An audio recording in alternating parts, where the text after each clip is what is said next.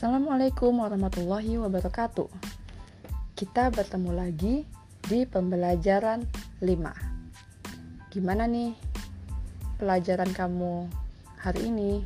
Kamu sudah siap untuk belajar atau masih males-malesan? Nah, kamu harus mempersiapkan dirimu dulu untuk belajar hari ini ya. Kamu bisa siapkan waktu minimal 2 jam yang didampingi oleh orang tuamu.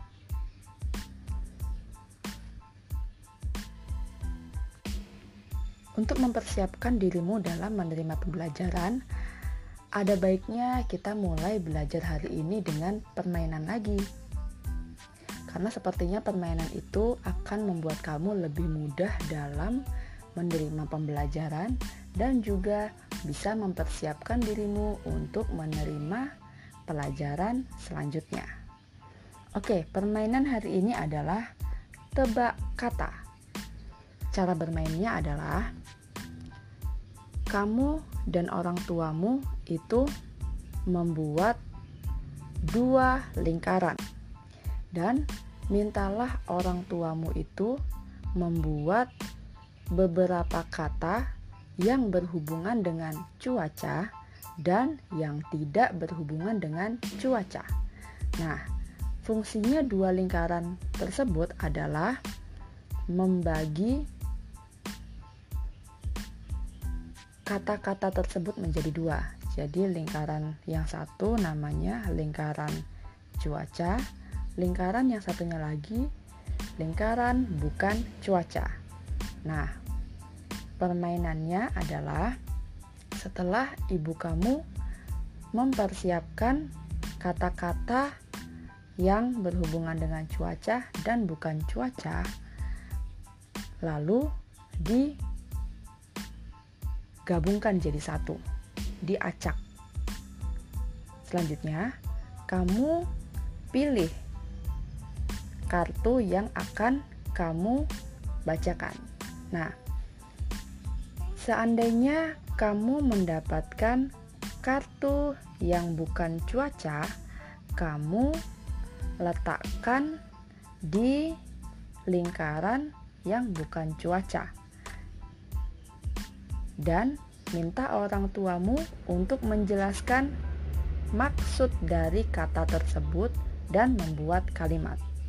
Tapi ketika kamu mendapatkan kartu yang berhubungan dengan cuaca, kamu yang harus menjelaskan arti kata tersebut dan membuat kalimat. Nah, menjelaskan dan membuat kalimat harus dilakukan dengan kata-kata, bukan tulisan. Paham ya? Yang memutuskan itu adalah kata yang berhubungan dengan cuaca atau tidak itu adalah kamu, bukan orang tuamu. Nah, di situ untuk melihat kemampuanmu apakah kamu sudah membisa, sudah bisa membedakan cuaca atau belum? Apakah kamu sudah paham tentang kata-kata yang berhubungan dengan cuaca atau belum? Kalau kamu salah, berarti kamu belum paham. Kalau kamu salah memberi kartunya kepada orang tuamu berarti kamu belum paham. Contohnya, ibu kamu membuat kata-kata seperti panas, lari, buku, hujan, mendung. Terus, kamu ambil satu kartu dan kamu lihat ternyata itu hujan. Nah, menurut kamu hujan ini termasuk cuaca atau bukan? Kalau menurut kamu ini adalah cuaca, berarti kamu yang harus menjelaskan arti kata hujan dan membuat kalimatnya. Tapi kalau seandainya kamu dapat hujan dan kamu beri ke ibumu dengan anggapan bahwa itu bukan cuaca, berarti kamu salah, berarti kamu belum paham. Ngerti ya? Nah, Contoh penjelasannya yang harus kamu lakukan adalah begini. Misalnya kamu mendapat kata-kata hujan.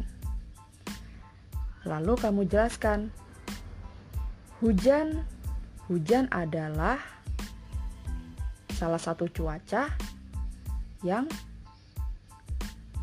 ditandai dengan awan hitam dan turunnya air.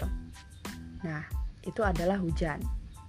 Penjelasan itu kamu lakukan, kamu ucapkan dengan bahasamu sendiri, dengan pemahamanmu sendiri. Gak usah diingat-ingat tulisan yang ada di buku, gak usah diingat-ingat kata-kata yang tepat yang ada di buku. Jadi kamu jawab aja sesuai dengan pemahamanmu, ya kan? Nah, terus contoh kalimatnya adalah hujan. Berarti contohnya pada pagi hari cuaca sangat cerah, tetapi pada sore hari cuaca tiba-tiba hujan. Nah, seperti itu. Jadi ada kata-kata hujan dalam kalimat tersebut. Paham ya? Nah, dari sebanyak kata-kata itu ada berapa yang bisa kamu jawab dengan benar? Ada berapa yang salah? Kalau banyak yang benar, berarti kamu sudah paham. Kalau banyak yang salah, berarti kamu harus mengulang lagi pembelajaran yang sebelumnya. Ngerti ya? Oke, kamu bisa mulai permainan hari ini. Kalau kamu udah selesai melakukan permainan bersama orang tuamu, kamu bisa lanjut membaca. Nah, seperti biasa, kita harus membaca dulu pelajaran hari ini untuk bisa memahami apa yang saya jelaskan. Dalam bacaan Ayo Berkreasi, di situ Udin, Beni, Siti dan teman-temannya akan mempersiapkan suatu acara. Acara tersebut merupakan suatu acara festival. Di halaman 35 ada tabel yang bisa kamu kerjakan. Di situ ada nama siswa, tugas, dan peralatan yang disiapkan. Kamu bayangin ketika kamu seandainya mempersiapkan acara festival tersebut, maka tugas apa saja yang harus dikerjakan bersama teman-teman. Contohnya, Siti, tugasnya apa? Peralatan apa yang disiapkan? Benny, tugasnya apa? Peralatan apa yang disiapkan? Dan lain-lain. Nah, kamu bisa menulis sesuai dengan pendapat kamu. Ngerti ya? Perbedaan adalah karunia dari Tuhan. Perbedaan menunjukkan bahwa kita bangsa yang kaya. Perbedaan hendaknya membuat kita semakin bangga, bangga menjadi anak Indonesia. Kita harus saling menghormati. Kita juga harus menjaga persatuan bangsa. Jadi kita kemarin kan udah membahas nih bahwa Indonesia itu punya banyak daerah asal, punya banyak makanan khas, punya banyak tarian-tarian daerah. Perbedaan-perbedaan tersebut justru harus membuat kita bangga bahwa Indonesia itu berbeda-beda tetapi tetap satu. Jangan kamu berpikir kamu orang Jawa, dia orang Padang, terus kamu bilang kamu beda, terus kamu nggak mau temenan. Nggak boleh seperti itu ya kita harus tetap berteman walaupun kita berbeda daerah asal dan kita harus bangga menjadi warga negara Indonesia. Pada saat festival makanan, Udin membawa makanan nih. Ternyata dia membawa kue cucur khas Betawi. Dan kue cucur yang dibawa oleh Benny itu ada tiga. Tiga kue cucur dan ketiga kue tersebut dibagi-bagi kepada teman-temannya karena Benny itu adalah orang yang baik jadi dia membagi kepada teman-temannya walaupun dia cuma punya tiga padahal teman-temannya banyak maka dibagi-bagilah kue tersebut dipotong-potong sama besar ingat kemarin kita udah ngomongin kue yang dipotong-potong sama besar berarti kita hari ini akan membahas tentang pecahan. Masih ingatkah kamu tentang pecahan? Nah, kali ini Benny akan mengajarkan kita lagi mengingatkan Udin maksud saya Udin mengingatkan kita lagi tentang pecahan. Nah, kamu pahami ya. Udin tadi kan bawa kue cucurnya tiga. Kue cucur yang pertama dibagi dua. Jadi kuenya dipotong jadi dua sama besar, dikasihkan kepada Siti dan Lani. Berarti Siti dan Lani mendapatkan 1 per 2 ya kan Siti mendapatkan 1 per 2 Lani mendapatkan 1 per 2 ingat ya karena kuenya tadi 1 dibagi 2 maka jadinya 1 per 2 paham? kue yang kedua itu dibagi tiga untuk Beni, Edo, dan Udin. Ingat, satu kue cucur dibagi menjadi tiga, dipotong menjadi tiga. Untuk Beni, Edo, dan Udin. Maka masing-masing mendapatkan satu per tiga, ya kan?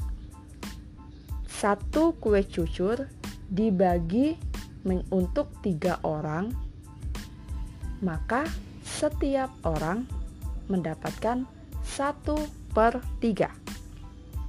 Dan kue yang terakhir,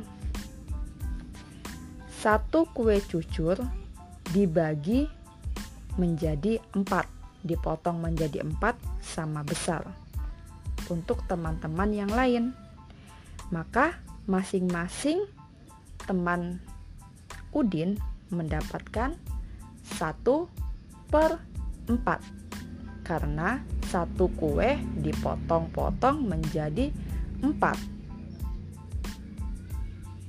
Pertanyaannya, manakah yang besar nilainya antara 1 per 2, 1 per 3, dan 1 per 4? Ayo, menurut kamu, di antara semua teman-teman yang mendapatkan kue dari Udin, mana yang mendapatkan kue paling besar? Nah, kebayang nggak kamu? Kalau kamu tidak kebayang, kalau kamu tidak bisa membayangkan kue-kue yang diterima oleh mereka, kamu bisa membuat pada sebuah kertas yang kamu potong-potong. Kamu bisa membuat lingkaran seolah-olah itu kue cucur. Ada tiga lingkaran yang kamu anggap sebagai kue cucur. Lingkaran pertama kamu potong jadi dua, lingkaran kedua kamu potong menjadi tiga, dan lingkaran ketiga kamu potong jadi empat. Kira-kira di antara semua potongan itu mana potongan yang paling besar. Kamu praktekin ya. Oke. Ternyata setelah kamu lihat potongan yang sama besar itu, potongan-potongan itu ternyata yang paling besar itu adalah 1 per 2 betul ya? Karena satu kue yang besarnya sama cuma dipotong jadi dua. Otomatis itu dia dapat lebih besar. Sedangkan satu per tiga dia dipotong menjadi tiga otomatis bagiannya menjadi lebih kecil daripada yang cuma dibagi dua. Begitu juga dengan kue yang dipotong menjadi empat. Otomatis bagian kuenya itu menjadi semakin kecil. Maka semakin banyak potongan-potongan kuenya, maka nilainya akan semakin kecil. Paham ya? Untuk lebih memahami tentang pecahan-pecahan yang lebih besar dan lebih kecil, kamu bisa coba mengerjakan soal di halaman 37. Kalau kamu masih belum paham juga, kamu bisa lihat di YouTube atau di internet atau sumber-sumber belajar yang lainnya. Budaya-budaya di Indonesia akan mereka tunjukkan dalam festival tersebut seperti makanan khasnya mereka, tarian-tarian, musik, dan lain-lain. Nah, kamu bayangin nih, ketika mereka mempersiapkan suatu acara yang meriah, suatu acara yang besar, mereka pasti banyak membutuhkan peralatan. Mereka pasti banyak pekerjaan yang harus mereka lakukan. Kira-kira untuk mempersiapkan acara yang besar itu butuh kerjasama atau tidak ya? Bayangin ketika acara tersebut dikerjakan sendiri oleh Siti. Bisa nggak? Acara tersebut dikerjakan sendiri oleh Benny. Bisa nggak? Padahal acara tersebut besar. Acara kelas mereka. Kalau dikerjakan sendiri, tentu akan sangat berat dan terasa capek, ya kan? Tapi ketika mereka bisa bekerja sama untuk mempersiapkan festival tersebut, maka pekerjaan tersebut akan menjadi lebih ringan dan cepat selesai. Dalam sebuah kerjasama itu dibutuhkan kekompakan agar tertib dan berjalan sesuai harapan. Kalau kamu tidak kompak, maka kamu itu nantinya akan berantem, iri-irian, dan akhirnya malah bermusuhan, ya kan? Maka dalam sebuah kegiatan bersama itu harus ada rasa persatuan dan kerjasama serta kekompakan, ya. Oke, pelajaran hari ini sudah selesai. Kalau kamu masih belum paham, kamu bisa mengulang lagi pelajaran hari ini. Perbanyak mengerjakan soal, baik dari guru, dari buku tema maupun dari LKS atau dari sumber-sumber yang lain. Semakin banyak kamu berlatih, semakin kamu memahami pelajaran tersebut. Terima kasih. Assalamualaikum warahmatullahi wabarakatuh.